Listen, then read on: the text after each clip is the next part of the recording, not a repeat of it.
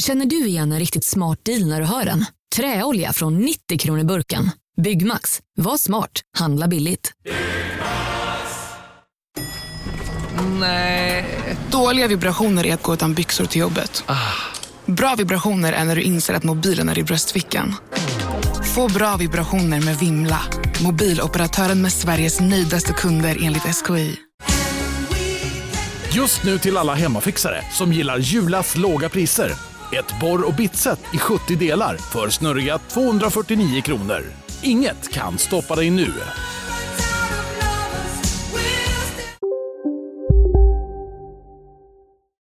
Hallå och välkomna till dagens Kulturbarnen. Tjo! Med-. Med mig, Ida Thyrén. Och mig Pontus de Wolf. Yes! Vad, vad fint det var när du sa dagens Kulturbarnen. Som att det var när vi äntligen implementerade i så public service där vi sänder en timme på P1 varje dag. Klockan 19. Åh, shit! Många spaningar jag måste komma på om jag ska köra varje dag. Men Ja. det kanske, det kanske Mega löser sig. goals. Hur är läget? Jo, det är jättebra. Jag sitter faktiskt här och läser Bim Erikssons nya serieroman som är jättebra. Den heter Baby Blue. Oj, Och det är lite dystopisk eh, om ett samhälle där man måste vara glad. Som är väldigt lik Stockholm idag Aha. kan man säga, fast man måste Mm, vara mm. glad. Det är Ja. lite så eh, dystopiskt. Och den är jättebra, så jag är så taggad på att läsa den. gud vad spännande. Den vill jag låna när du är klar. Mm, Galago, kolla in den säger jag bara. Tips, Mm. tips, tips. Vi spelar in på tisdag eftermiddag här och jag är peppad för att om en halvtimme kommer de ha presskonferens om restriktionerna. Så jag undrar om, om det, man kommer få kunna gå på konsert och sånt där igen. Gud vad spännande. Vi sågs ju faktiskt häromdagen på Millesgården. Ja, vi var ute i fält. Mm. Hur kul var det? Jag har faktiskt inte varit på Millesgården förut. Jag är lite chockad att jag inte har det.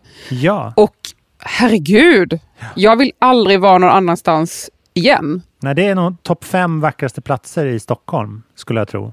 Alltså jag vill vara där alltid. Jag vill flytta dit. Jag typ köper tält och, så, och, och flyttar till trädgården.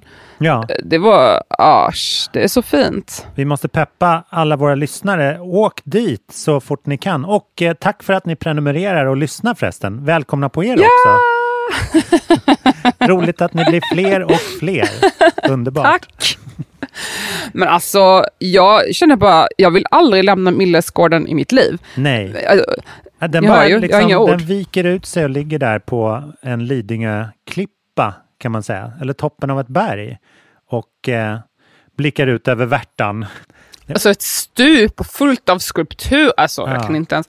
Men alltså, passa på att åka dit nu också innan det blir mörkt och vinter. Nu är det fortfarande Mm. väldigt fint. Det är ju väldigt mycket utomhus, trädgård, skulpturpark och sådär. Ja, och det växer det citroner. Oh my god, det missade jag. Ja. Citroner. Men de, vad gjorde vi där egentligen Ida? Kommer du ihåg? Ja, men vi kollade ju på när du spelade skivor och jag eh, drack ett glas vin och babblade lite med folk. Ja, jag var någon slags Ja. main attraction. Sen pågick det en Ja. vernissage samtidigt.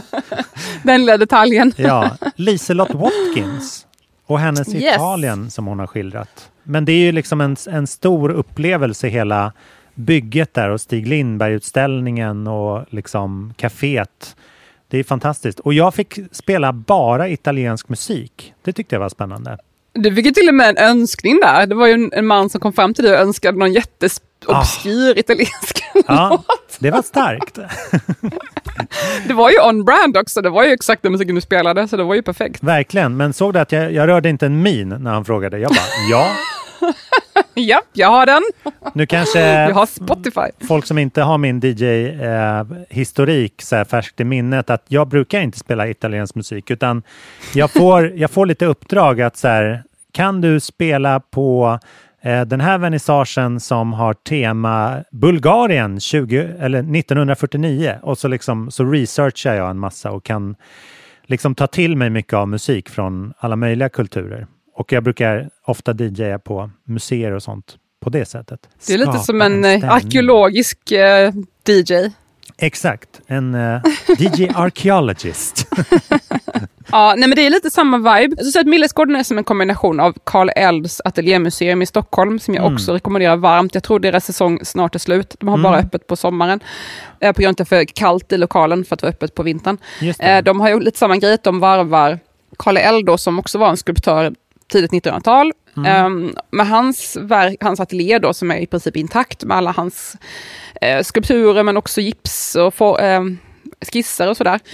Varvas med en samtida eh, konstnär eller skulptör. Så att det Ah, har varit nice. samma idé. Och sen såg vi lite samma nu på Millesgården, att det var den här gamla miljön och så har vi då modern konst i den. Som ändå har, de pratar med varandra fast det är ändå två olika världar som möts. Visst. Men det, det finns ju också en känsla av Louisiana kan man säga. Lite Ja. som eh, jag, en av mina andra favoritplatser är deras skulpturträdgård. Precis. Ehm, lite samma vibe på något sätt. Karl Eld ligger också, man kan ta dem på samma dag. Det ligger där i Roslagstull vid Hagaparken ungefär. Ja, det är sant. Uppe på en Lite kulle. sådär. Var lite Men det är ju någonting. Om man är i Stockholm över en helg, om man inte bor där. Mm. Ehm, men alltså jag, det här med att ha en skulpturpark, det är ju min, alltså det är min största dröm. Det har varit det i typ tio år, jag bara, eller jag skulle säga 20 år. Att ha ett hus där man kan ha ett bibliotek, en Mm. ateljé och en skulpturpark. Det är de, Alltså. the holy trinity av Och- kulturtant. Eller vad skulle du definiera det som då? Ja, jag kanske blev tant just nu när jag sa det där, men Jag tror mest Jag att det, är här, det. tar så, så pass lång tid att liksom komma upp i dem. ackumulera Ja. resurserna för att kunna liksom... hus och skulpturpark. Ja, Men jag har tänkt på en grej Pontus, apropå det här. Alltså, Mm. eh, du vet- det var ju en grej när vi var lite yngre, att man skulle se ut som en tant eller farbror. Att det var, jag vet inte om det fortfarande är så, men Mm. att det var lite så här en förlängning av, jag vet inte en förlängning av indie-looken eller eh, kanske lite så intellektuella akademiker som går och pluggar eh, kulturvetenskap, eh, ja. B. Ja. Och så ser man ut som en liten professor med glasögon och sådär. Men det intressanta tycker jag är nu när man börjar komma upp i våran ålder, Mm. mellan, eh, som 35 plus, att nu ser folk ut som gubbar på riktigt. ja, jag vet. Ehm, så det, det finns ju de som man har känt som alltid har liksom varit så här wannabe-gubbe, men nu har de blivit gubbe-gubbe. Ja. Men det där är så speciellt för att på den tiden när, man, när jag gick på universitetet då var ju det det billigaste sättet att få en dyr look. Alltså liksom en sån här tweed, tweed-kavaj som man hittar på Beyond Retro för 100 kronor. Och så ser man ändå lite så Aha. sofistikerad. Problemet med att vara en, en sofistikerad man i min ålder det är att man köper en kavaj för kanske 3 och 5. Och sen så byter man aldrig, så lägger klädaffären ner. Så att vi är ju en värdelös liksom, grupp människor. Det är verkligen kund, ingen bra kundgrupp alltså. Nej, verkligen. Ja, nej, jag tycker bara det är en intressant grej att nu börjar man ju inse att oj, nu kan man inte längre, jag kan inte längre klä mig som en tant, för då ser jag bara ut som en tant. Ah, alltså nu jag måste jag ju fattar. klä mig lite mer ungdomligt om jag ska se, eller, inte ungdomligt, men jag kan inte klä mig kärring, för då Mm. ser jag bara ut som en, som en kärring. Just det, just det. När man är 20 så ser man inte ut som en kärring, man ser bara ut som en cool liten brud som har varit på second hand-affär. Ja, ja, du är den där kärringkaraktären, är man då. Då ser man ut som Emils annat. morsa eller någonting. Ja. Men jag känner ju några, några, vi kan kalla dem jazzmusiker, som liksom var 45 on, on the day they turned 10. Sådär. Och sen så har de bara liksom fått kämpa för att växa i den rollen rent liksom rynk, rynkesmässigt. Kan man säga så? Att de liksom har längtat efter sin ålderdom. Ja men det är det jag menar! Det är de här människorna som har velat, velat se ut som gubbar och nu plötsligt bara, nu gör Ja. de det straight up. Och då undrar jag så här, ångrar man då att man har inte njöt av sin ungdom när man hade den? Jag vet inte, om, men om förebilderna är 75-80 år gamla, då kanske man liksom känner sig som ett barn, barnbarns barn och inte liksom får ut sin, sin fulla respekt. Jag vet inte. Mm. Svårt är det.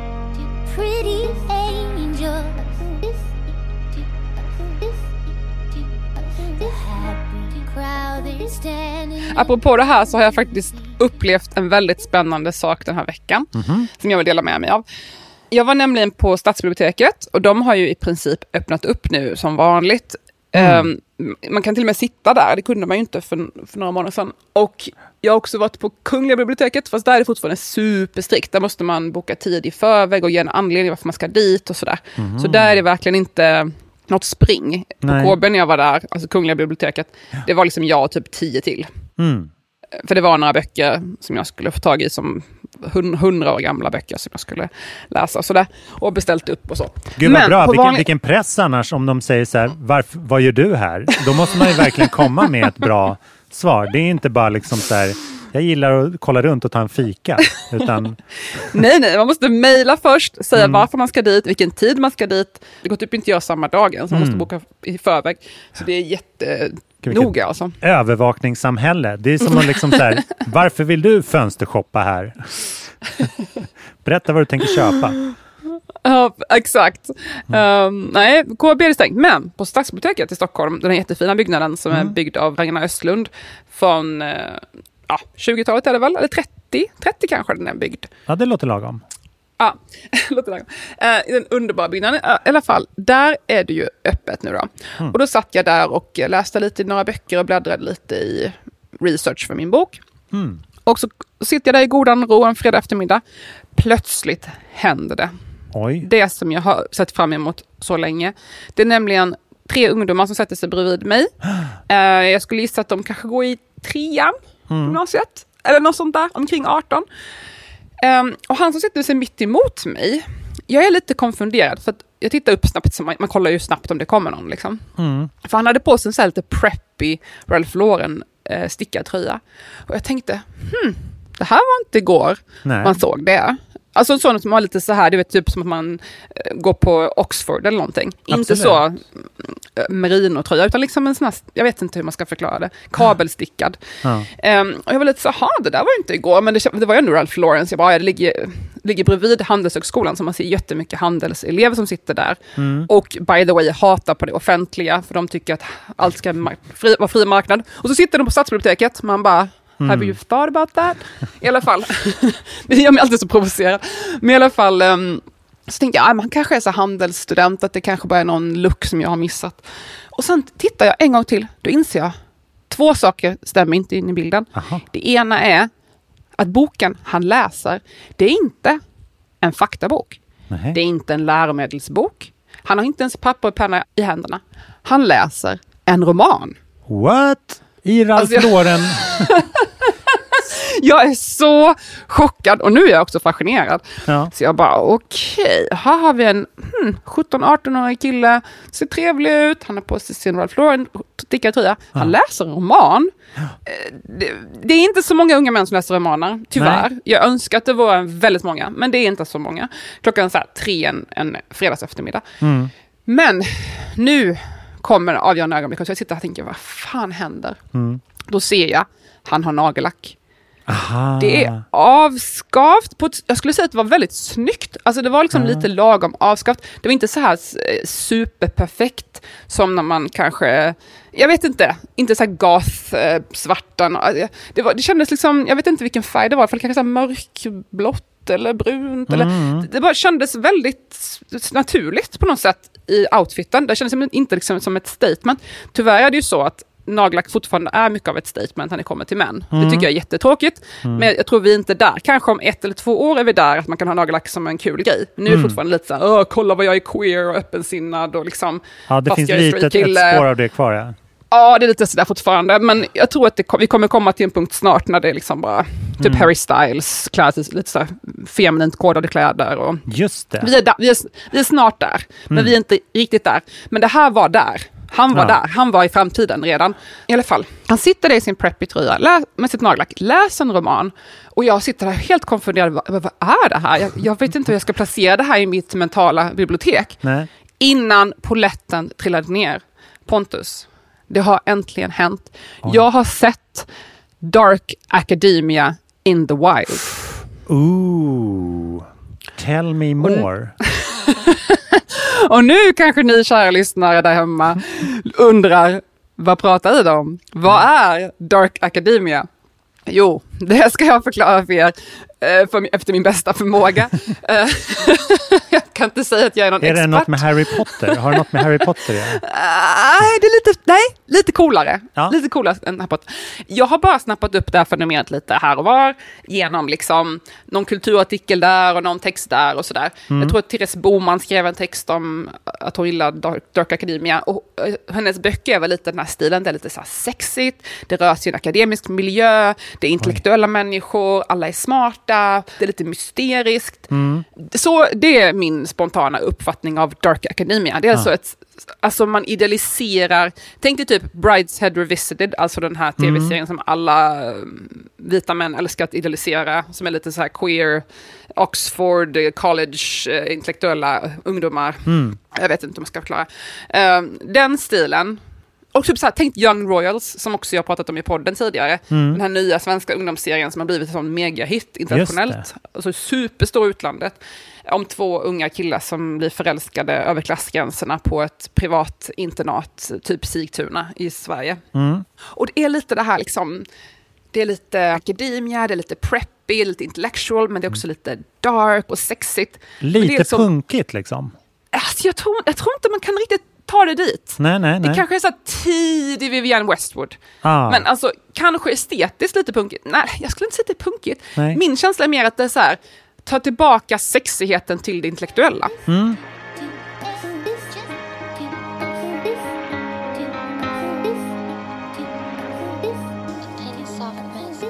Nej, men den här trenden med Dark Academia började tydligen för typ ett, ett och ett halvt år sedan. Eh, Mm. TikTok, ja, den gamla alltså vanliga platser där ungdomar hänger. Mm. Och ökade jättemycket på Google. Man så många började söka på det här. Vad är Dark Academia? Och det är lite så inspiration av så här brittisk eller europeisk internat universitetskultur, så Mm. gotiskt. Tänk dig typ Donna Tartt, picture, eller Just Dorian. Grays eh, porträtt, eh, Sylvia Plath Hemliga kanske. historien där. Ja, lite så här mörkt och det är lite sexigt och spännande och man, liksom lite poesi, det är läsande. Och nu var det precis häromdagen så en artikel som handlade om att det börjar ta, plats, ta platsen från cottagecore. Alltså cottagecore Ja. är sommar, sommarvarianten och nu är vi inne på hösten, nu kommer Dark Academia.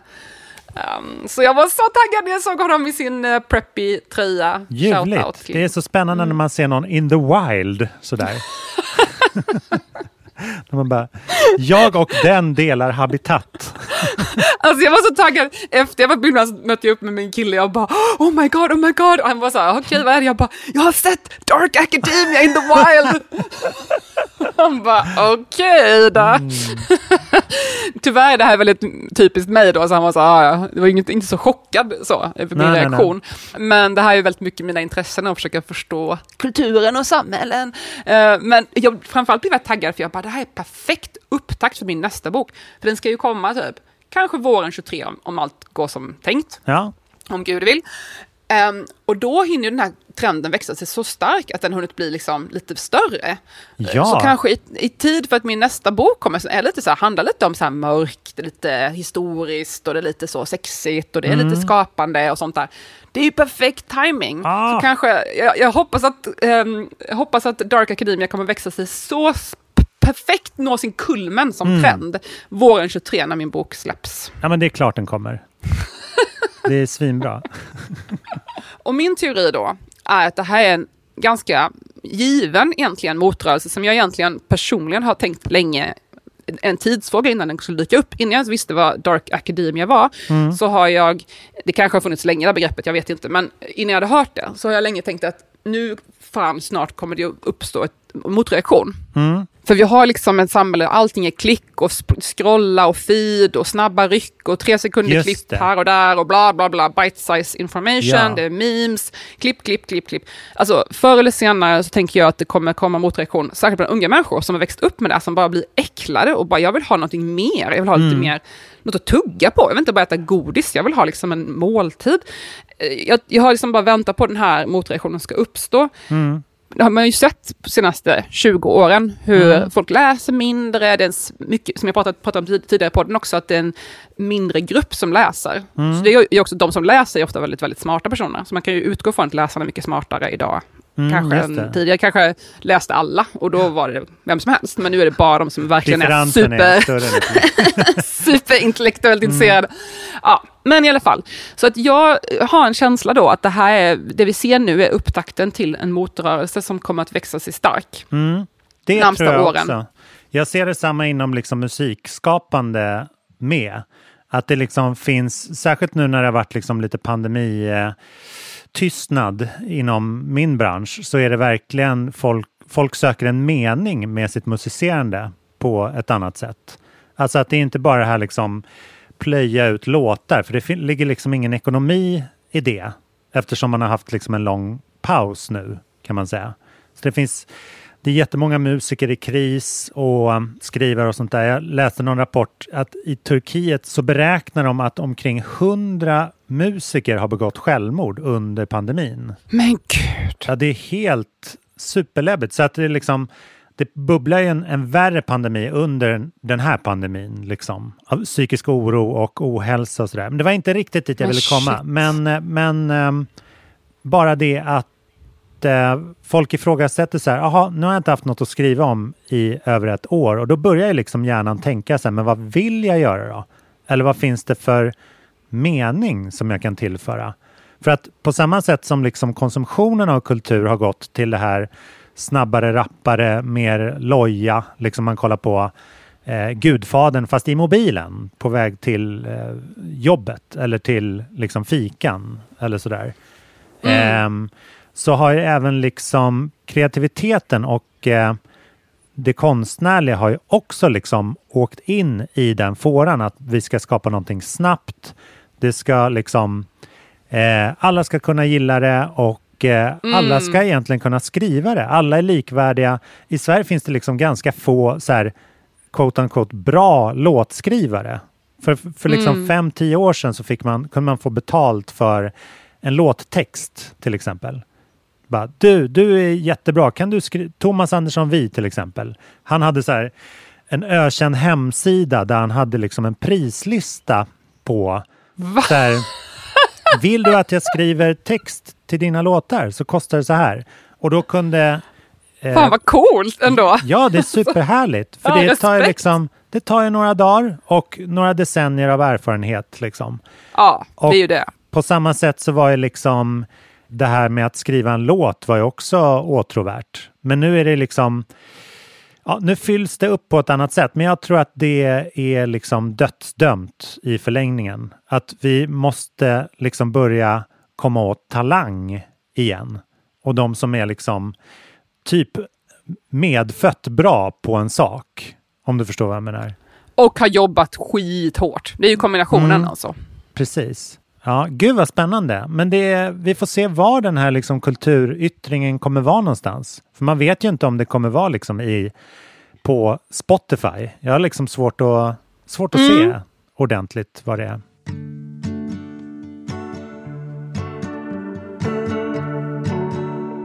Men apropå långvarig kvalitet och sådär så, så har det, ju, det har ju skett en återförening i det här landet kan man säga. Nej, måste vi prata om. Jag kan bara säga hur jag har upplevt det. Att jag spelade ju på den här vernissaget som du kom på. Bland annat där kulturbarnen syntes ihop offentligt.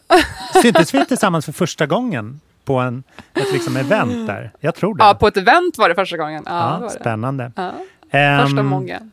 Men där, där fick jag, jag fick ju en request på en eh, italiensk sång som var helt korrekt. Och sen så fick jag också då fyra requests på några andra låtar som inte var helt korrekta. Jag frågade hur tänkte du nu? Och det var ju såklart de nya ABBA-låtarna här.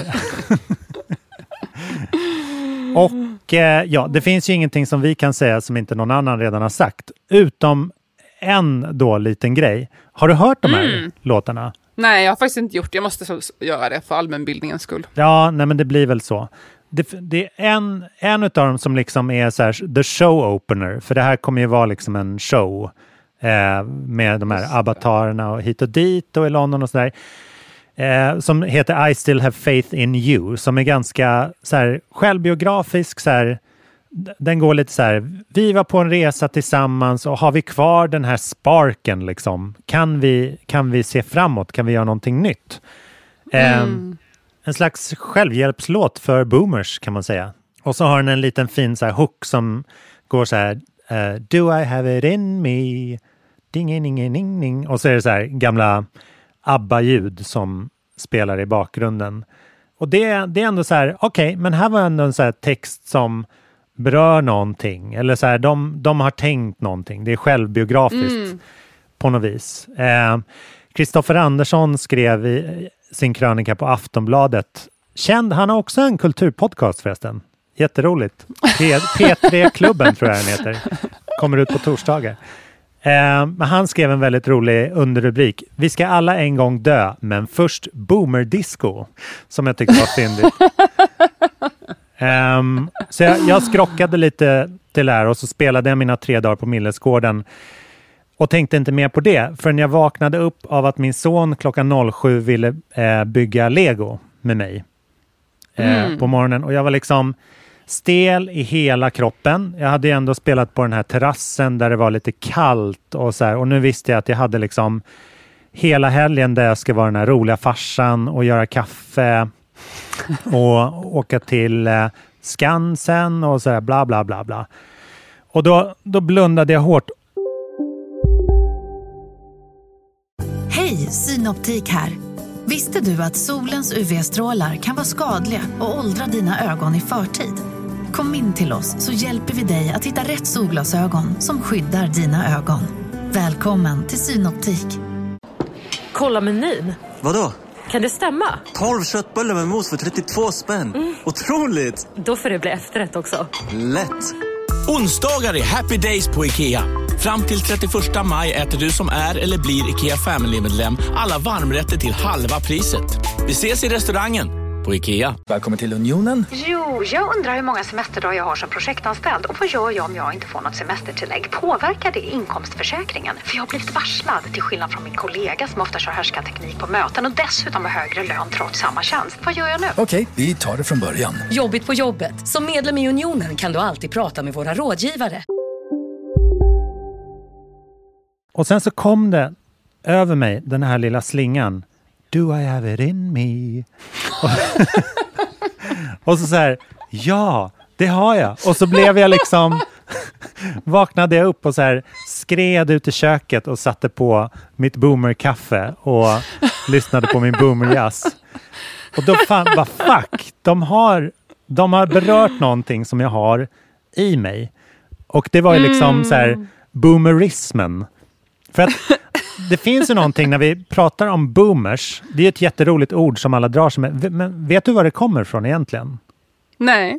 Det är vad man kallar eh, babyboomersarna. Alltså de som är Ja, födda just, jo, just det. 45 till 65. Mm. Eh, så de liksom är i den åldern helt enkelt. Den där jättekullen. Ja, exakt. Men det är ju ett väldigt... Det är bara att de råkar vara gamla just nu liksom, och så här bekväma av sig. Eh, men då tänker jag att det är den generationen, de är liksom fullt ut boomers. De är hundraprocentiga boomers, eller i alla fall 85-95 procent. Men också en väldigt stor eh, grupp. Köpstark.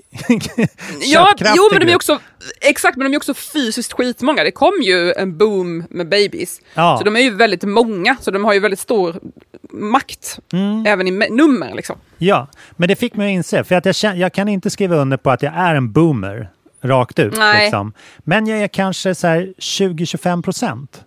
Det som, i, som de säger i filmen G, jag är inte gay men jag har några procent. Eh, och det kändes Du ganska är några fint. promille ifrån att vara det. Ja, så att man kanske, jag tänkte att man kanske har en så här äh, våg inom sig, att man är lite, lite boomer och lite mittemellan också lite zoomer. Alltså där kanske jag har en tå i med kanske 3 procent eller något sånt där. Eh, och det är också roligt, så här, jag fattade äntligen varför, de, varför det kallas zoomer. Och det är liksom bara för att det är generation Z fast det rimmar på boomer. Vilket är en idiotiskt, ett idiotiskt ord egentligen. Nej, men jag skulle säga jag kanske är 5% Dark Academia då. Ja, varpå, precis. Och den är, det är lite som lite flytande. Dark Academia i sig är kanske 30% boomer. Så då är Ja, det ju det- det- liksom... Det är ju lite Gen Z som vill vara lite, alltså som är lite så gubbstilen. Ja, verkligen. Ja, ja, men det om ABBA i alla fall. Mer, mer har jag inte att säga än att Men är- I do have it in me. Men det är kul att du säger boomer disco, för att det är ju lite intressant att det kommer nu, för nu är det ju så här, verkligen morföräldrarnas musik, Mm. alltså ABBA, ja. eh, och deras barnbarn. Alla barn älskar ju ABBA. Så det är ju Just perfekt musik det. att lyssna på mellan typ lågstadiebarn och deras mormor och morfar. Helt sant. Jag kan bekräfta att det stämmer i mitt hushåll. Jag fattar. Det är det som är så svårt att så här, vår generations barn har liksom väldigt lite kulturellt motstånd i oss så att säga. Om de, när de drar fram så här, sin, inte vet jag, sin Peppa Pig eller det de lyssnar på nu, då kan vi alltid dra fram liksom E-Type eller Dabas eller någonting mycket, mycket värre ungdomskultur från vår barndom. Jag tror de kommer att ha det Oh. tufft alltså. Pontus, du ledde in mig precis på min nästa sak som jag ville prata om idag. Mm. Det är nämligen så här att det har ju pågått en annan trend eh, bland många ungdomar. Shit, jag känner mig som en så här ungdomskorrespondent i den här podden. Ja, den lilla Ida på TikTok! Mm. Nej men alltså, det, jag är ju så fascinerad av det här ungdomskultur och grejen är att det pågår ju en väldigt stark reaktion. För att när jag var på eh, det här ravet som jag var på för ett tag sedan, Mm. eh, Poppen Air, som var lite så poppig rave, kan höra om det i förra eller förra, förra podden. Mm. Och då träffade jag bland en tjej som heter Olivia som är influencer och väldigt stor på TikTok och även, hon är även följare på Instagram och sådär. Mm. Hon är liksom strax över 20 och hon har en väldigt eh, cool klädstil. Eh, Mm. Och eh, mycket av stilen är att hon tycker om väldigt lågt skurna jeans. Ah, ja. Och vi dansade tillsammans, jag och hon och hennes kompis Samuel. Vi hade jättekul och dansade ihop.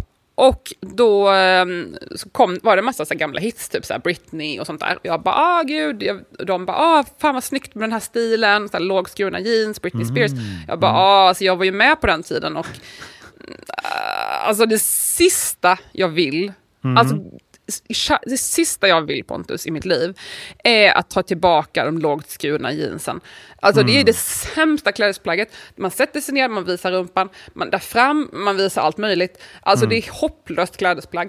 Men de tyckte det var så coolt och var så taggade på den här lågt skurna jeansen. Och hon har till, till och med blivit avstängd från TikTok flera gånger för att hon har haft för lågt skurna jeans. Eh, så, så att jag var så här, okej. det där, historien upprepar sig, man säger. Men Ja, ja. skitgrymma kids, jag gillar verkligen dem. Men det fick mig att tänka på att det verkligen pågår, pågår en rörelse nu bland lite så här Gen Z att bring back Y2K, alltså Ah. eh, millennieskiftet-stilen. Och jag har till och med den sista tiden med att kolla ganska mycket på gamla sådana här filmer, She's All That, 10 Things I Hate About You. Eh, mycket bra, det har också kommit en remake på She's All That som heter He's All That. Jag har Oj, inte oj, hunnit oj. se den ännu. Nej. Jag får fördjupa mig i det här i framtida podden. Men det ligger verkligen i tiden nu att kolla tillbaka på de här gamla 98 till 2000 klassikerna. Det kommer ju skitmycket bra ungdomsfilmer då. Mm. Ehm, men i alla fall så är det en väldigt speciell stil. Eh, det är så här Paris Hilton-era, det är innan Kim Kardashian liksom. Mm. Det är ju bara så här tajta lågskurna jeans och korta toppar. Och, men då har jag funderat lite grann på, vill vi verkligen ha tillbaka den här tiden? Ja. Och ni som lyssnar får jättegärna komma med egna idéer på varför vi inte vill ha tillbaka den här stilen och den här tiden. Mm. Och hur sämst det faktiskt var. För jag tror att om man växer upp nu, Ja. då tänker man kanske så här, ah, det var en cool klädstil. Visst, jag köper det. Det var en kul estetik, vi hade Pussycat Dolls, de sprang så att eh, WAP kunde gå. alltså, det, utan liksom den här crazy tiden så hade vi inte haft eh, hela det här Cardi B och alltså alla de här, Nicki Minaj och så. De Mm. kom ju för att de, typ Missy Elliott och de här körde sin grej Mm. på 90, sent 90-tal. Så jag uppskattar verkligen estetiken, musiken, jag, jag är för. Mm. Men den här tiden var faktiskt ganska sämst. Och det tror jag man kanske glömmer bort nu, för att man har vant sig så mycket vid, vi har börjat landa lite så här post metoo-eran och liksom eh, vissa saker, som jag pratade om tidigare i podden, vissa idéer har börjat landa lite hos mainstream-folk, i alla fall i västvärlden typ. Just man har det. idéer om tra- transfrågor, icke-binära, homosexuella, eh, ska få adoptera och gifta sig. Och, alltså sådana här saker har bara börjat landa lite mer hos folk. Mm. Medan då var de inte där. Alltså det fanns typ inte i mainstream uppfa- i medvetandet. Så det har ju ändrats väldigt mycket. Det var nämligen en kille på TikTok som la upp en video som jag tyckte var väldigt, han var inne på lite samma spår som mig. Och så kollade jag i kommentarerna, hans video var inte sådär, ah, kanske inte, eh, ja, skitsamma. Mm. Men, ehm, men så kollade jag på kommentarerna och det var jättemycket bra exempel. Och jag tänkte tipsa om några exempel här. Ja, gärna. Ehm, en av kommentarerna som jag läste om var till exempel I could have killed for a body positivity movement in 06. Mm. Ehm, och det här, flera som, som kommenterar på det här att thinspo tumblr, skinny culture, alltså det var ju en extrem ja, men skinny culture, Mm. alltså bantningskultur, man skulle vara skitsmal, man skulle inte ha någon rumpa, man skulle vara helt som en pinne. Ehm, och det funkar ju för en viss kroppstyp, Mm. men det är ju, för det första är det någonting väldigt inneboende rasistiskt, för det utgår ju från någon slags typisk kroppstyp som är ganska vanlig bland vita tjejer. Just det, ja. Ehm, ja, det är bara en, en helt sjukt ideal som var i Mm. princip omöjligt att leva upp till för någon, inklusive mig som är naturligt liksom, Mm. skinny. Ehm, och det intressanta tycker jag är nu, jag, har tänkt på det sista fyra, fem åren, i och med att jag inte har bott i Sverige heller så har jag bott i Los Angeles och där är det fortfarande en väldigt stark kroppskultur, alltså folk Mm. är väldigt besatta av sitt utseende och opererar sig och sådär. Mm. Eh, och varje gång jag kommer till Sverige tänker jag på att jag bara, oh my god, folk ser, ju- folk ser ju typ så friska ut här. Mm. Ehm, det finns, när jag växte upp, då fanns det bara två sätt att vara på. Antingen typ halvanorektisk, eller att man, att man liksom var överviktig. Det fanns Mm. liksom ingenting någonstans mitt emellan. Nu finns De två toppenalternativen. Exakt! Alltså det, det, alltså det var så här, det fanns, man såg väldigt sällan folk som bara såg så här friska ut. Mm. Typ. Ehm, och nu när man går i alla fall på Söder och så, alltså tjejerna, de, ser liksom hälsosamma ut. Ja. Eh, de ser ut som att de mår bra. Ehm, och det här fanns ju inte när jag växte upp. Det var ju ingen som såg ut att må bra. Nej, Alltså verkligen. rent fysiskt. Och de pratade om sätt att liksom eh, må dåligt på för att uppnå att må bra. Först måste man må dåligt för att kunna må bra, var ju liksom devisen. Och, eh, men då, då var ju också liksom utseende och norm sådär mycket mer toppstyrt. Liksom. Hmm. Folk tappar ju bort det när de liksom tar sociala medier för, Just för det det. normala. Att det fanns ju inga ens liksom enskilda röster utom kanske så här rockstjärnor som kunde säga någonting Ah. om så här, så här tycker jag att en kropp ska se ut. Det fanns ju liksom det. noll sådana fönster verkligen. Utom typ Det fanns ens, ju bara modetidningar. Precis. Just det. Det har du fan Mm. rätt i. Man glömmer, det har till och med jag glömt bort. Ja. Alltså, det var ju bara tio år sedan som man, ja, som du säger, det fanns bara modetidningar, så that's it liksom. Mm, Ja. exakt. Eh, så hela den där grejen med liksom bantningskulturen, och det märker man också i de här filmerna, alltså som jag kollade på de här ungdomsfilmerna. Mm. Det är lite sådana här skämt, antyder att någon är tjock och sådär. Alltså det hade ju aldrig funkat nu. Mm. Aldrig att man kunde släppt en sån här film på Netflix där de typ håller på att kommentera att någon ska banta. Och, alltså, och det, och det flyger under radarn. Det är okej liksom. Ja, verkligen. Det, det, där, det där tror jag att vi tack och lov har begravt. Och sen finns det såklart fortfarande os, väldigt mycket osunda ideal, det säger jag inte. Men Mm. det finns en annan medveten, medvetenhet kring det i alla fall. Mm. I alla fall, en, alltså, i alla fall alternativ för människor att se upp till, som du säger. Ja. Ehm, och sen var det ju extremt liksom, rasistiskt bara. Alltså Mm. straight up. Mycket med uttalet än vad det är nu. Alltså det är klart att det är rasistiskt nu också, men på ett Mm. helt annat sätt. Mm. Men jag tror att liksom sociala mediers kraft har vi bara börjat se. För jag tror att det Mm. liksom första steget är att så här, ö, vågar vi göra något revolutionerande genom sociala medier? Liksom? Är det tillåtet? Fram till att så här, nu är det ju mer så här, men vi börjar alltid där. Liksom. Och sen så Mm. får vi se om det läcker ut till verkligheten eller liksom hur bestående det är. Men det, är ju, det var ju liksom inte, alltså en term som body positive, det var inget som modeindustrin kom på direkt. Utan det, Nej. det har ju liksom verkligen bara formats genom protester. Eller liksom, hallå, här finns jag. Jaha, finns du där? Ja, men jag är ju som du. Jag tycker också Mm. att det här är för jävligt. Just liksom. det. Ehm, där har vi precis börjat skrapa på ytan och jag såg ett, ett annat exempel på var sociala medier gör skillnad nu gentemot för 20 år sedan. Och nu blir det jävligt mörkt för att förutom att folk vill tillbaka till popmusiken som skedde kring millennieskiftet och sånt där, tillbaka till den tiden, så är det ju även 20-årsdagen av eh, World Trade Center-attackerna. här om en vecka, nu på tisdag. Ehm, och det sammanfaller ju med utträdet av eh, amerikansk militär ur Afghanistan och liksom hela det misslyckandet och allt sånt där. Ehm, men där har det ju liksom också skett en rubbning. Ehm, man ska inte trivialisera, men jag ser liksom från bilder som så här, de här, den här nya generationens talibaner som tar över landet, eller som kanske straight up har fått landet av USA nu, kan man väl Mm. liksom tolka det som. De gör ju liksom alla sina så här övertagande av baser, av ambassader, av så här radio och tv. De gör ju dem liksom som clickbait och som så här, äh, de, de gör ju de ingreppen så här mimvärdiga nu. Alltså när de Ja, du har en lägger upp, bas så gör de... lägger upp klippen liksom. Ja, och de gör det liksom på ett litet så här finurligt sätt.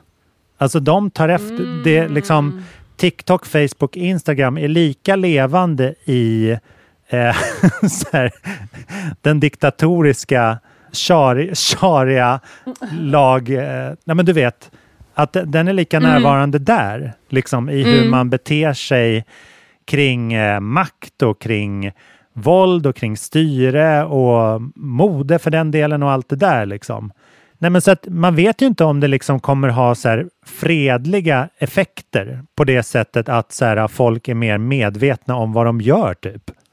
Att Mm. så här, för 20-30 år sedan kunde man fortfarande hävda att så här, jag trodde att jag gjorde rätt. Liksom. Nu finns ett ansikte på den som man vill döda liksom. Ja, man får så här, dels det, men man får också feedback med en gång. Att Mm. det liksom, och man har det här så här, om jag delar det här och vill att folk ska dela det vidare så måste jag framstå som en, gans, som en lite hygglig typ. Liksom. Eh, Och det är den positiva, positiva aspekten av cancel culture. Att folk, Ja. folk måste ställa sig svars för vad de säger. Man kan inte bara slänga ur sig saker. verkligen. Bete er snällt i krig, annars blir ni cancelled. Or worse.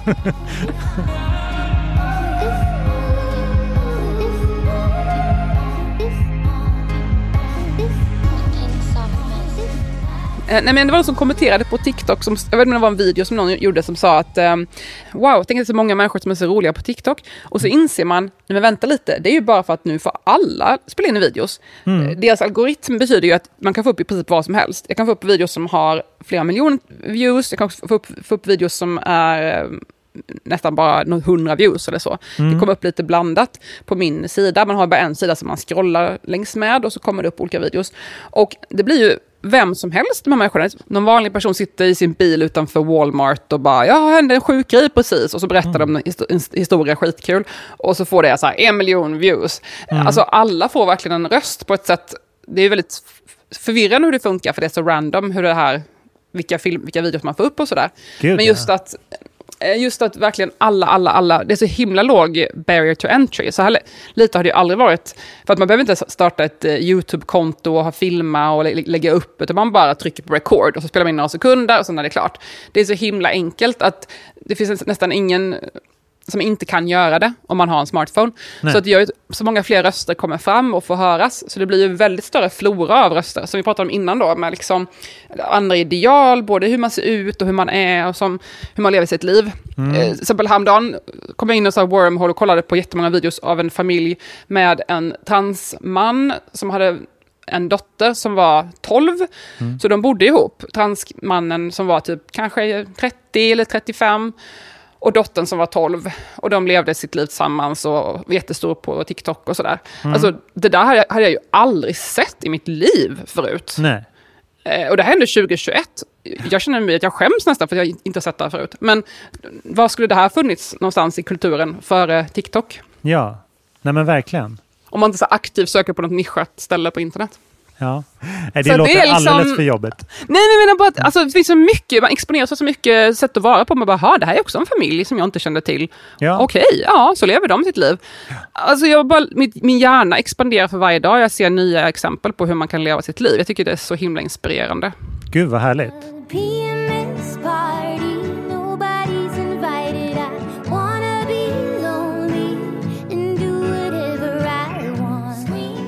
Ja, men då är vi liksom 20% boomer, eh, 10% expansiva och så liksom resten lite runt och trevar Dark. Academia och Ja. Dark Academia möter Cottagecore. Ja. Du ska ju till Gotland och musta äpplen så du får ju stå för Cottagecore då. ja, verkligen. Ja, men det är mina, mina 5% cottagecore som från, eller vad är det? 25 kanske? Vi eh, brukar ju ta in musik här från eh, nära och kära och eh, sånt som ni mejlar och föreslår och DMar och sånt. Ehm, och eh, den här veckan så har turen kommit till eh, Maya Francis. Känner du till Maya Francis? Nej! Nej. Spännande. Hon är verkligen liksom så här arketypen av eh, indieartist för mig. Men som liksom på senare år gått över mer och mer till country med hennes Mhm. nya låtar. Eh, hon släppte alldeles nyligen PMS Party och eh, en singel som hette Anxious Angel kom tidigare i år också. Den här festen har jag varit på kan jag säga. Och du är alltid välkommen. eh, Alla får vara med. Ja, hon spelar på Fasching den 25 och jag tror det blev en extra konsert eh, utannonserad också. Så att det, och ett album kommer senare Kul! i år. Så hon är en jätte asgrym artist och helt eh, sjukt egen estetik faktiskt också. Hon bygger en helt egen låtsasvärld som Wow. tycker ni ska kolla in. Och eh, nu när vi spelar in där så blev det precis officiellt att eh, den 29 tas publikrestriktionerna bort på konserter och biografer och sånt där. Spännande. Då missar Maja Francis det. Men eh, jag gillar ju intima konserter så jag kommer gå den 25 på hennes Fasching-spelning ändå. Kul. Ja, men det här blir spännande. Det är väldigt många turnéer som slipper ställa in nu i höst. Det är många lite- musiker som eh, jublar nu att det finns nya möjligheter att tjäna pengar och sådär. Ah, framförallt att det är liksom eh, jobben ligger kvar som de var inbokade på. Det var det, vart det Mm. som är så jävla stressigt att man liksom Ja, nu är kalendern här. Nu ser den lite mer full... Nej, där, Ja. där försvann golvet igen. Liksom.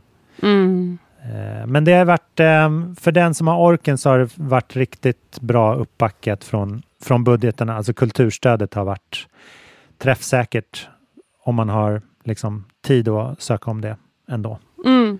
Men ja, vad ska man göra om man inte har pandemi? Kommer man ihåg ens? Vem är jag utan pandemin? Jag tror faktiskt det är många som ställer sig den frågan. Det Ja. var lite konstigt att vara på bibblan där och det var massa folk och man bara oj vad mycket folk, får de verkligen vara här? Ja. Vad händer? Får jag vara här? Jag var ju helt slut. Vi, eh, jag, vi går alltid Djurgården runt, jag och min familj. Och eh, på vägen hem så bara, ja men vi kanske ska klappa en ko på Skansen. Då hade de liksom öppnat upp hela Lillskansen från att det har varit stängt ett och ett halvt år. Så vår femåriga son var helt, liksom, helt uppåt Åh. väggarna. Det var så kul. Kul. att återse allting. Så tror jag alla kommer bli framöver. Helt uppåt väggarna. Ja. Och med de orden önskar vi er en helt uppåt väggarna eh, helg. Ja, hoppas ni hittar jättemånga roliga härliga saker var ni än bor att hitta på. Hoppas alla får en jättehärlig helg och mycket spännande kultur. Antingen om man är fast hemma och kollar på streaming och sånt där. Ja. Eller läser en bok eller lyssnar på musik. Eller om man är ute och kan gå på, passa på att gå på lite konserter eller teater eller sånt där. Underbart. Är du peppad vågar. för något särskilt? Ska du göra något? Ja, jag, jag är peppad på att gå på Dramaten. De har precis släppt eh, höstschemat. Jag har kollat in lite grejer jag vill se. Så jag ska gå lite på Dramaten i höst tänkte jag. Ja. Sen är det också Market Art Fair nästa helg som jag ska gå på. Stor konstmässa i Stockholm. Ja, gud vad roligt. Eh, mm, så det tänkte jag, det kommer jag rapportera från sån här också i podden. Mm. Gärna. Eh, nej, men jag ska ju på, faktiskt på en eh, konsert på lördag som är lite oväntad kanske. Jag ska Mhm. nämligen på en eh, hardcore-spelning med metal-influencer. Eh, Oj, med där ser man. Blood, bandet Blood Sermon som ska Ja. ha release-spelning på Gula Villan i Stockholm. Och som ni kan gissa är det då min killes kompisar band. Ja, och jag känner ja. dem lite grann också. Men, men det är ju, ja, jag är ju inte traditionellt en hardcore-lyssnare. Men jag tänkte jag skulle ge det en chans och uppleva någonting annorlunda. Kul. Det gör du helt jävla rätt i. En av Mm. mina topp fem spelningar någonsin var en metalkonsert faktiskt. Mhm, vilket band? Eh, Metallica. Aha! Men det är en längre... Ja, har du tid? Har du tid två minuter? Det här är min bästa musikhistoria, någon, eller konserthistoria någonsin. Jag hade så här eh, jag var verkligen på piken av min så här Metallica-idoliserande och det var precis när de började släppa så här dåliga skivor. Eh, också i slutet av 90-talet. Och så skulle jag spela med mitt första punkband eh, i något som heter Vita huset ute i Täby. Och då hade, det, här är, det här knyter ihop väldigt bra till dagens ämne om så här, en internetfri värld. Eh, för då när vi spelade där så var det en i förbandet som bara, ska ni på Metallica sen? Så bara, vadå? Vi, de spelar ju inte. Det här var i så här februari. Det var, de hade inte släppt något album. Det var liksom, det ska inte spela något Metallica. Men då hade den här killen så här, jo, jag var inne på ZTVs hemsida och där fanns det en liten banner om att de ska spela på Münchenbryggeriet. Hm. Alltså det var, här var när de spelade för liksom 100 000 pers på Ullevi kanske. Och sen bara, va? Vad menar du? Och då så bekräftades det här av min kompis som åkte med Roslagsbanan och plockade upp mig med sovsäckar och typ matsäck. Så gick vi in och så satte vi oss där i så här, skoja inte, 15 minusgrader och övernattade på innergården på Münchenbryggeriet. Eh, och sen satt några andra metalfans där också. Och sen mycket riktigt klockan 12 på dagen så var vi, jag var en av 800 personer som såg dem på en så här pytteliten scen där. Wow.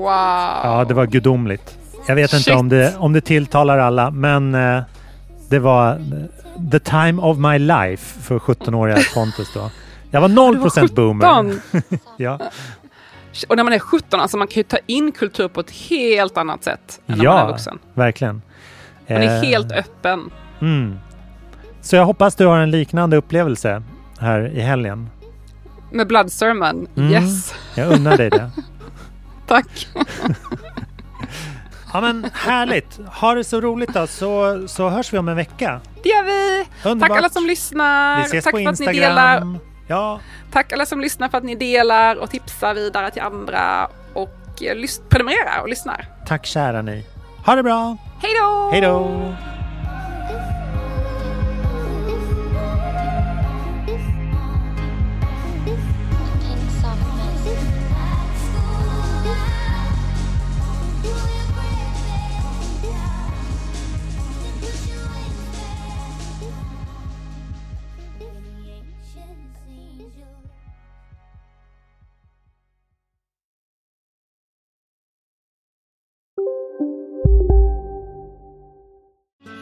Susanne Axel här. När du gör som jag och listar dig på en av Krys vårdcentraler får du en fast läkarkontakt som kan din sjukdomshistoria.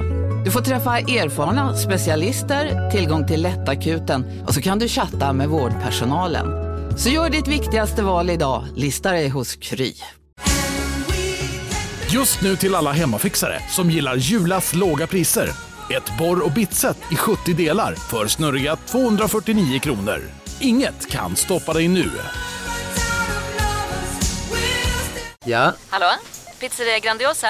Jag vill ha en Grandiosa capriciosa och en pepperoni. något mer? Med kaffefilter. Ja, Okej, ses samma. Grandiosa, hela Sveriges hempizza. Den med mycket på.